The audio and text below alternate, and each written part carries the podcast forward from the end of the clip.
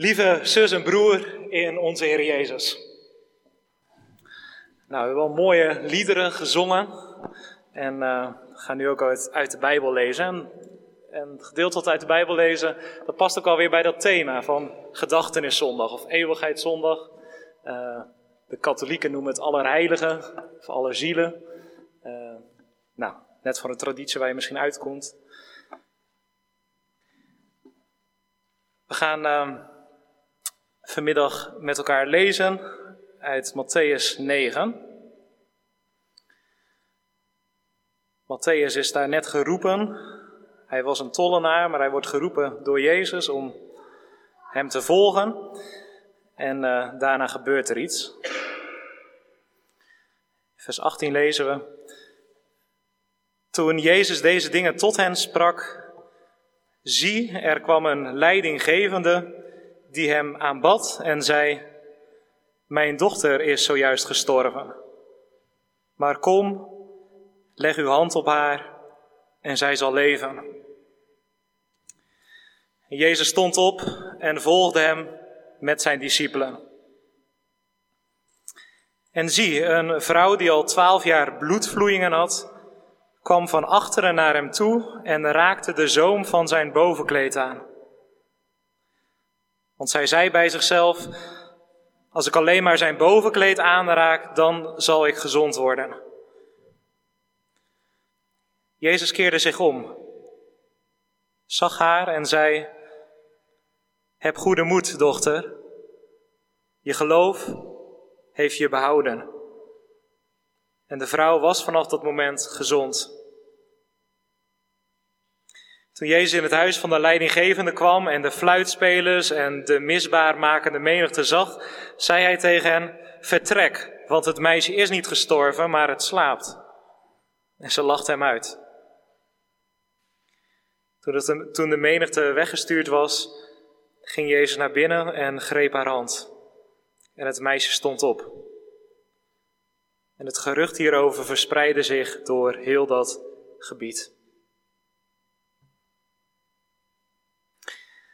Vanmiddag eh, zal de preek uit drie onderdelen bestaan. Allereerst staan we stil bij Rijn versus onrein. Daarna een dochter zijn van God. En tot slot bij Jezus geeft een ander perspectief op de dood. Dus eerst rein versus onrein. Anderhalve meter afstand houden, je handen kapot wassen, elkaar niet aanraken en in quarantaine gaan als je in de buurt bent geweest van iemand die positief is getest. Ja, een aantal maanden geleden, het lijkt misschien wel al eeuwen geleden, kondigde minister-president Mark Rutte en minister Hugo de Jonge deze basismaatregelen af om het coronavirus zoveel mogelijk buiten de deur te houden.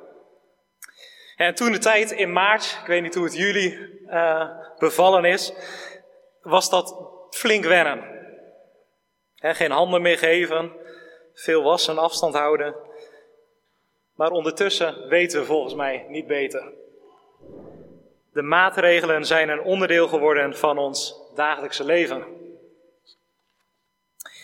Nu, nu zijn dit soort maatregelen om ziekten buiten de deur te houden eigenlijk helemaal niet nieuw. Want binnen het Jodendom, in de tijd van Jezus, had men namelijk ook al verschillende soortgelijke maatregelen die net als bij ons een onderdeel waren van het dagelijkse leven en ziekten buiten de deur hielden. Die maatregelen die stonden opgeschreven in de boeken van Mozes, de wetboeken van Mozes. Nou, ik zal een aantal voorbeelden noemen uit die tijd. Het was in de tijd van Jezus allereerst belangrijk om vaak je handen en voeten te wassen. Nou, in bepaalde bekende Bijbelgedeelten kom je dat ook tegen. Een tweede belangrijke regel in die tijd was dat je geen dood lichaam mocht aanraken. Want rond een dood lichaam van een mens, maar ook van een dier, kwamen namelijk vaak ziekten vrij. Een lichaam moest snel begraven worden en mensen die in aanraking waren geweest, moesten preventief een aantal dagen in quarantaine. Een derde belangrijke regel was dat je afstand moest houden van mensen die ernstig ziek waren.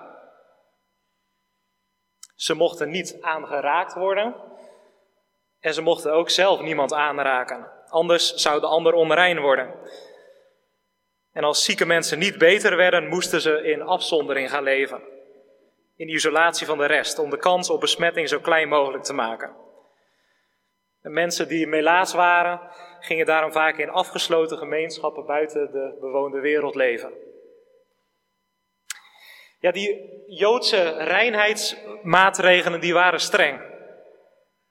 En de maatregelen waren zelfs zo streng dat men ook al als onrein werd gezien als je met verkeerde mensen omging. Lichaam en geest waren namelijk één voor Joden. Je kon namelijk ook geestelijk besmet raken, onrein worden. Want waar je mee omgaat, daar word je mee besmet, toch? Nou, dat ben ik rein of onrein, besmet of niet, was dus een belangrijk thema in het dagelijkse leven van het Israël van toen. En het is goed om dit in ons achterhoofd te houden als we gaan kijken naar wat er in ons zojuist gelezen Bijbelgedeelte gebeurt. Wij treffen Jezus vandaag aan op een bijzondere plek. Hij zit namelijk aan tafel bij tollenaar Matthäus en zijn vrienden. Nou ja, ex-tollenaar Matthäus. Want als wij terugbladeren in hoofdstuk 9, zien wij namelijk dat Matthäus zojuist is geroepen door Jezus en dat hij zijn werk heeft achtergelaten om discipel te worden. Ja, zondaars worden ze genoemd. Matthäus en zijn vrienden door de omstanders.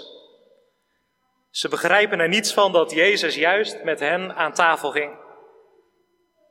Want het zijn mensen waar je geestelijk onrein van kunt worden. Waar je volgens die strenge regels juist afstand van moest houden. En zeker Jezus zou dat moeten doen als een goed voorbeeld. Maar ik denk dat die tafelgasten zich juist hebben verwonderd. Normaal gesproken wil niemand met ons eten. Maar deze rabbi wel. En het kan niet anders dat het iets met hen gedaan heeft. Dat dit iets in hen geopend heeft. Er is hier iemand die ons wel ziet. En Jezus die werd niet besmet door hen. Nee, de mensen aan tafel ontvingen vandaag juist zijn genezing.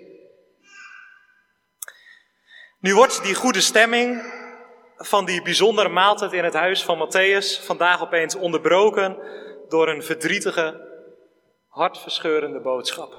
We hebben er net van gelezen. Er komt namelijk opeens een hooggeplaatste man, verward en in paniek binnenrennen. In andere evangeliën lezen we dat deze man Jairus heet. En de blikken van de mensen in het huis van Matthäus, die kijken verbaasd zijn kant op. Huh? Wat doet Jairus hier? Deze persoon die hadden ze misschien wel als laatste verwacht. Want Jairus was namelijk het hoofd van de synagoge. Van de plaatselijke kerk, zeg maar. En ja, mannen als Jairus bevonden zich normaal gesproken in reinere kringen dan deze onreine mensen in het huis van Matthäus. Maar blijkbaar is er zoiets ergs gebeurd met je Iris, dat dit rein versus onrein thema even niet speelt vandaag. Want je Iris die knielt tussen de mensen daar in het huis van Matthäus voor Jezus neer. En hij vertelt de heftige, de verdrietige boodschap dat zijn dochtertje is overleden. Ze was twaalf jaar. Zo. Dat is natuurlijk niet wat je wilt meemaken als ouder. Maar het gebeurt ook vandaag nog. En wat een diep, intens verdriet geeft dat. In de roman Schaduwkind over een jong gestorven dochtertje schrijft de schrijver P.F. Tomees, die zelf ook een dochter heeft verloren. Een vrouw die haar man begraaft wordt een weduwe genoemd. Een man die zonder vrouw achterblijft een weduwe, weduwnaar. Een kind zonder ouders is wees. Maar hoe heette de vader en moeder van een gestorven kind? Daar zijn geen woorden voor. Nee, daar zijn geen woorden voor. Ja, vader Iris is ten einde raad. En blijkbaar heeft hij de verhalen gehoord over Jezus. Dat Jezus mensen geneest, zelfs doden kan opwekken. En ja, en bij hem moet hij dus zijn. Maar ja, Iris, zeg je zelf misschien wel. Of zouden omstanders zeggen, Jezus die zit hier met onreine mensen. Kun je je in je verdriet niet beter tot iemand anders richten? Tja, normaal gesproken had dat een ding geweest voor Iris, maar nu, ja, zijn dochter is overleden en Jezus is de enige redding die hij kan bedenken. Ja, als het er echt op aankomt, hè, op leven en dood, dan vallen blokkades vaak weg. Ik moest denken aan een kamer in een ziekenhuis. Ik denk dat de meesten van jullie eh, daar wel iets bij kunnen voorstellen. In zo'n ziekenhuiszaal liggen soms de meest uiteenlopende mensen. Met elkaar in één ruimte. Rijk, arm, gelovig, ongelovig. VVD'ers en SP'ers. Feyenoorders en Ajaxieten. Ja, en in het dagelijkse leven hadden ze misschien niet zomaar door één deur gekund. Maar daar raken de verschillen even op de achtergrond. Want men ligt daar maar met één reden: om gezond te worden.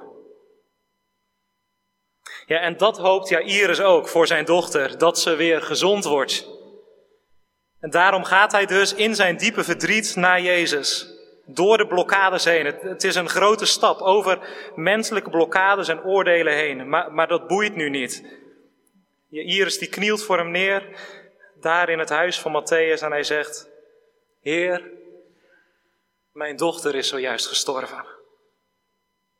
Maar kom, leg uw hand op haar en zij zal leven.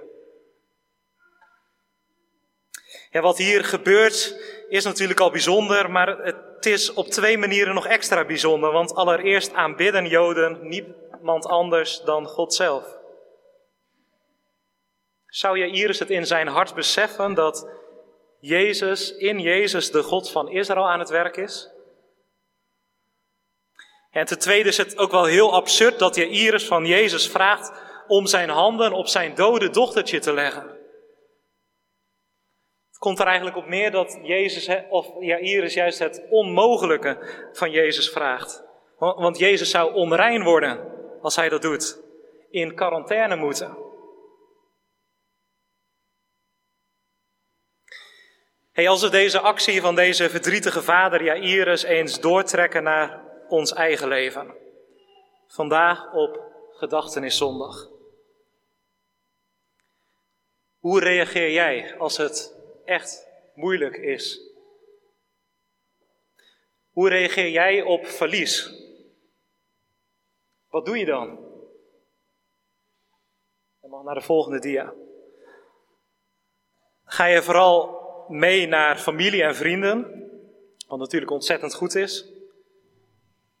Of trek je juist boos, machteloos terug?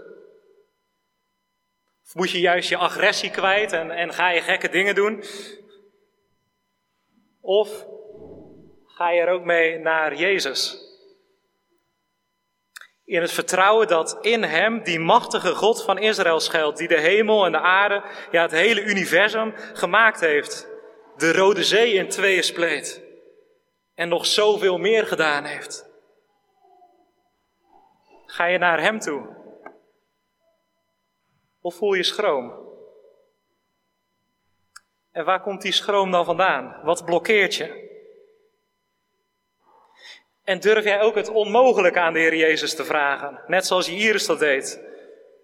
Of zijn voor het gevoel sommige vragen te groot voor Jezus en durf je het niet te vragen? Denk er eens over na. Hoe reageer jij in noodsituaties? En verwacht je het dan van Hem? Nou, het mooie gebeurt. Jezus gaat direct staan na de vraag van Jairus. Want hier hoeft hij niet over na te denken. Ja, hij is er voor tollenaars en zondaars. Maar hij is er ook voor deze diep verdrietige vader. Een mens in nood wijst Jezus nooit af, hoe onrein, hoe onmogelijk de vraag misschien ook is.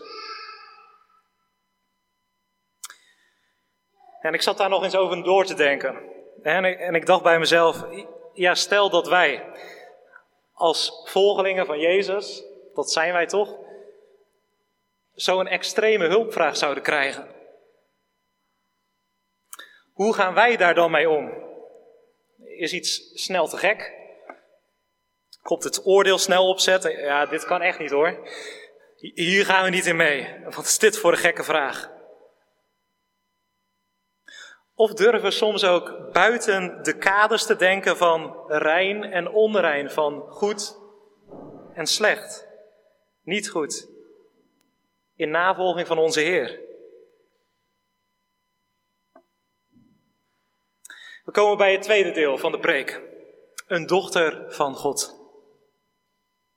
Jezus die staat dus op en hij haast zich samen met de leerlingen en Jairus richting zijn dochtertje. Maar, maar dan gebeurt er iets. Iets wat je niet hoopt als, als je hulp nodig hebt. Want er komt iets tussen. En dat is rot, dat is lastig, verwarrend soms ook, als er iets tussen komt. iets van die verwarring, die hoor ik ook in, de in het afgelopen jaar bij mensen die onder behandeling waren in het ziekenhuis, maar waar reguliere zorg werd stopgezet, want er kwam iets tussen. Er kwam iets tussen. Laat dat nu precies vandaag ook gebeuren bij Jairus, die vader die al zoveel verdriet heeft. Er komt iets tussen. Er is een vrouw ergens op de achtergrond, die eigenlijk in isolatie had moeten zitten, in afzondering. Want ze heeft namelijk last van bloedverlies. Een soort continue menstruatie. En de reinheidswet van Mozes die was daar heel duidelijk over.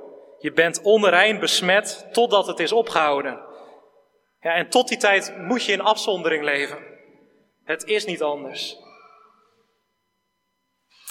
Maar nu had deze vrouw daar niet zomaar een paar weken last van. Nee, ze heeft er twaalf jaar last van. Zo oud als het dochtertje van Jairus is geworden.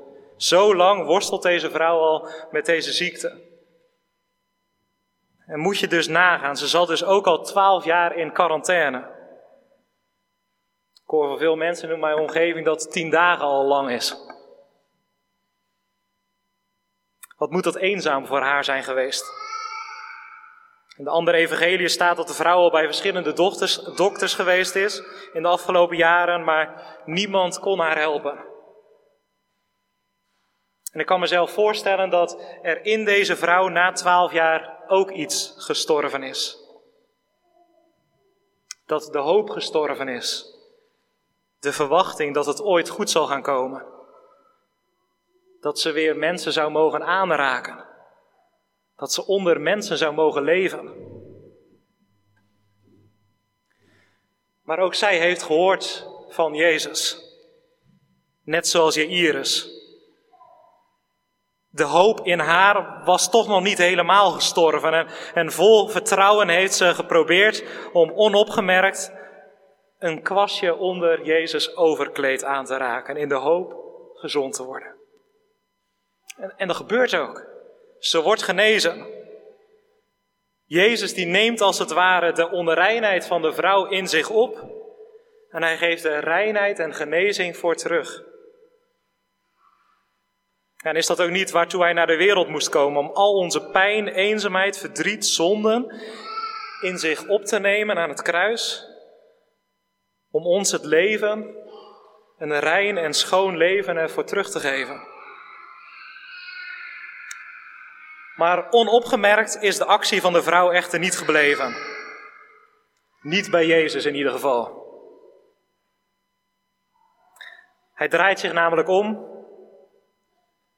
kijkt de vrouw aan en hij zegt de prachtige woorden: Heb goede moed, dochter.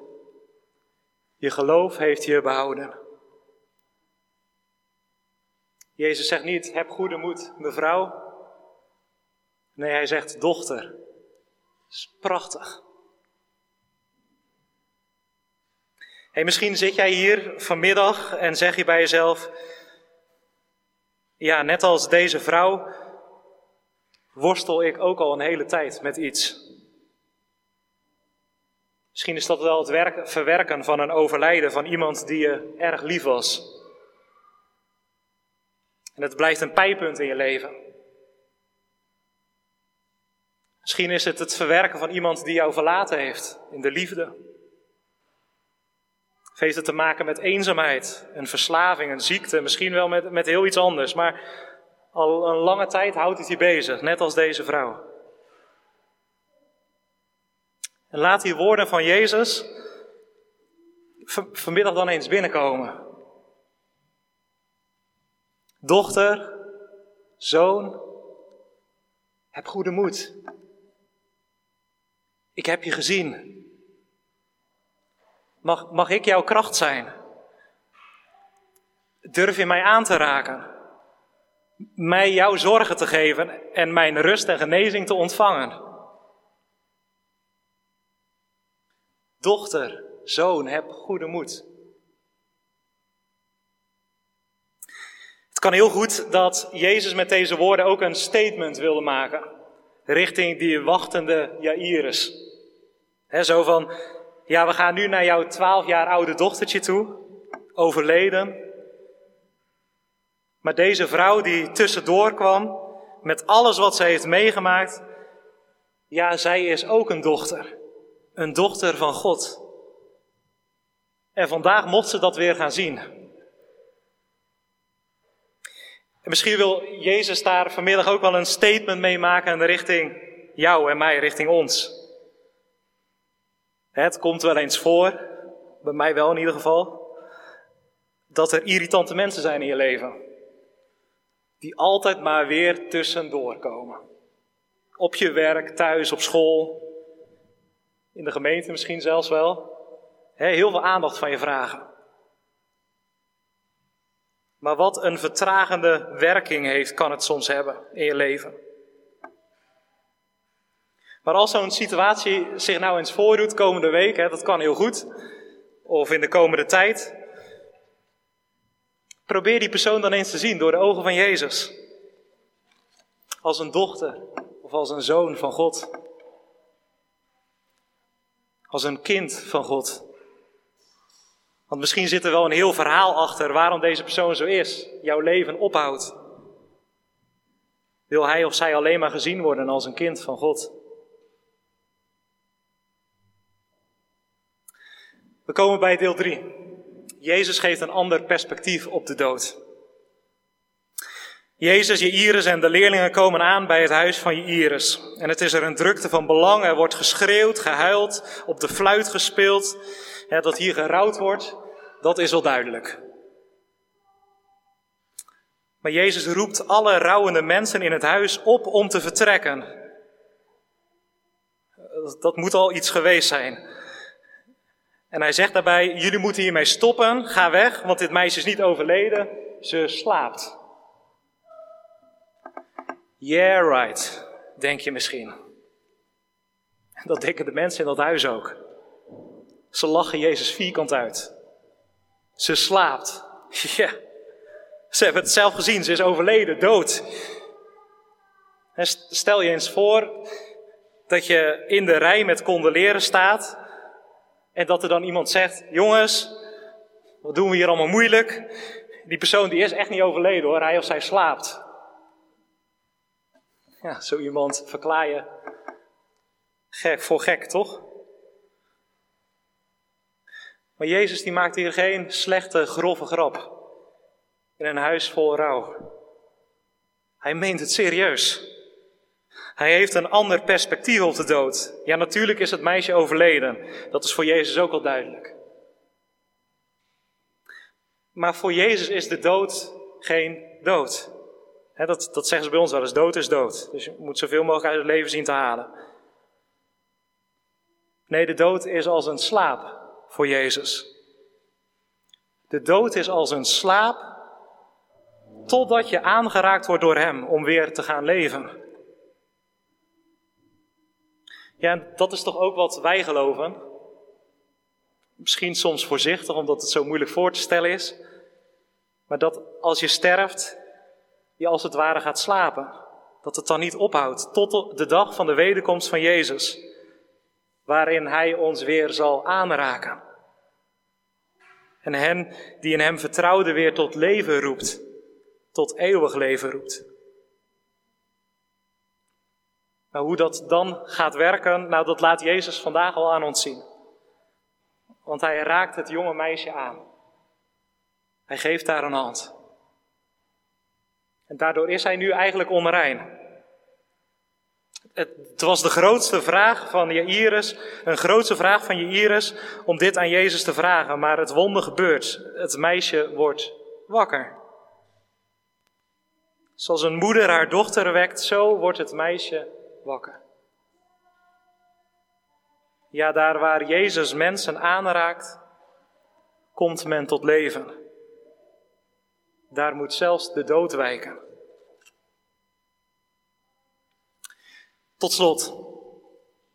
Ik begon de preek met onrein versus rein. En dat was een belangrijk thema in het Jodendom van toen, nu nog steeds trouwens. Maar Jezus laat ons vandaag zien dat Hij van een hele andere orde is. waar de onreinheid van zondaars en tollenaren normaal gesproken onrein maakte, waar ziekte en de dood je normaal gesproken onrein maakte, gebeurt bij Jezus het tegenovergestelde. Jezus is de eerste mens op aarde waar de onreinheid geen grip op lijkt te hebben. En, en hij neemt het over en hij geeft alleen maar reinheid en een, een schoon zijn en vrede terug. Ja, en dat doet hij ook vandaag nog. En ik weet natuurlijk niet waarin jij het meest herkende vanmiddag. Misschien wel in die tollenaars en zondaars. Of in die verdrietige vader Jairus. In die eenzame vrouw of het meisje van twaalf. Of de omstanders die kritisch staan te kijken. Waar jij je ook in herkende. Wat wij vandaag mogen meenemen is dit. Daar waar Jezus mensen aanraakt, of daar waar mensen in geloof Jezus verlangen aan te raken, daar worden dingen nieuw, vast en zeker. Amen.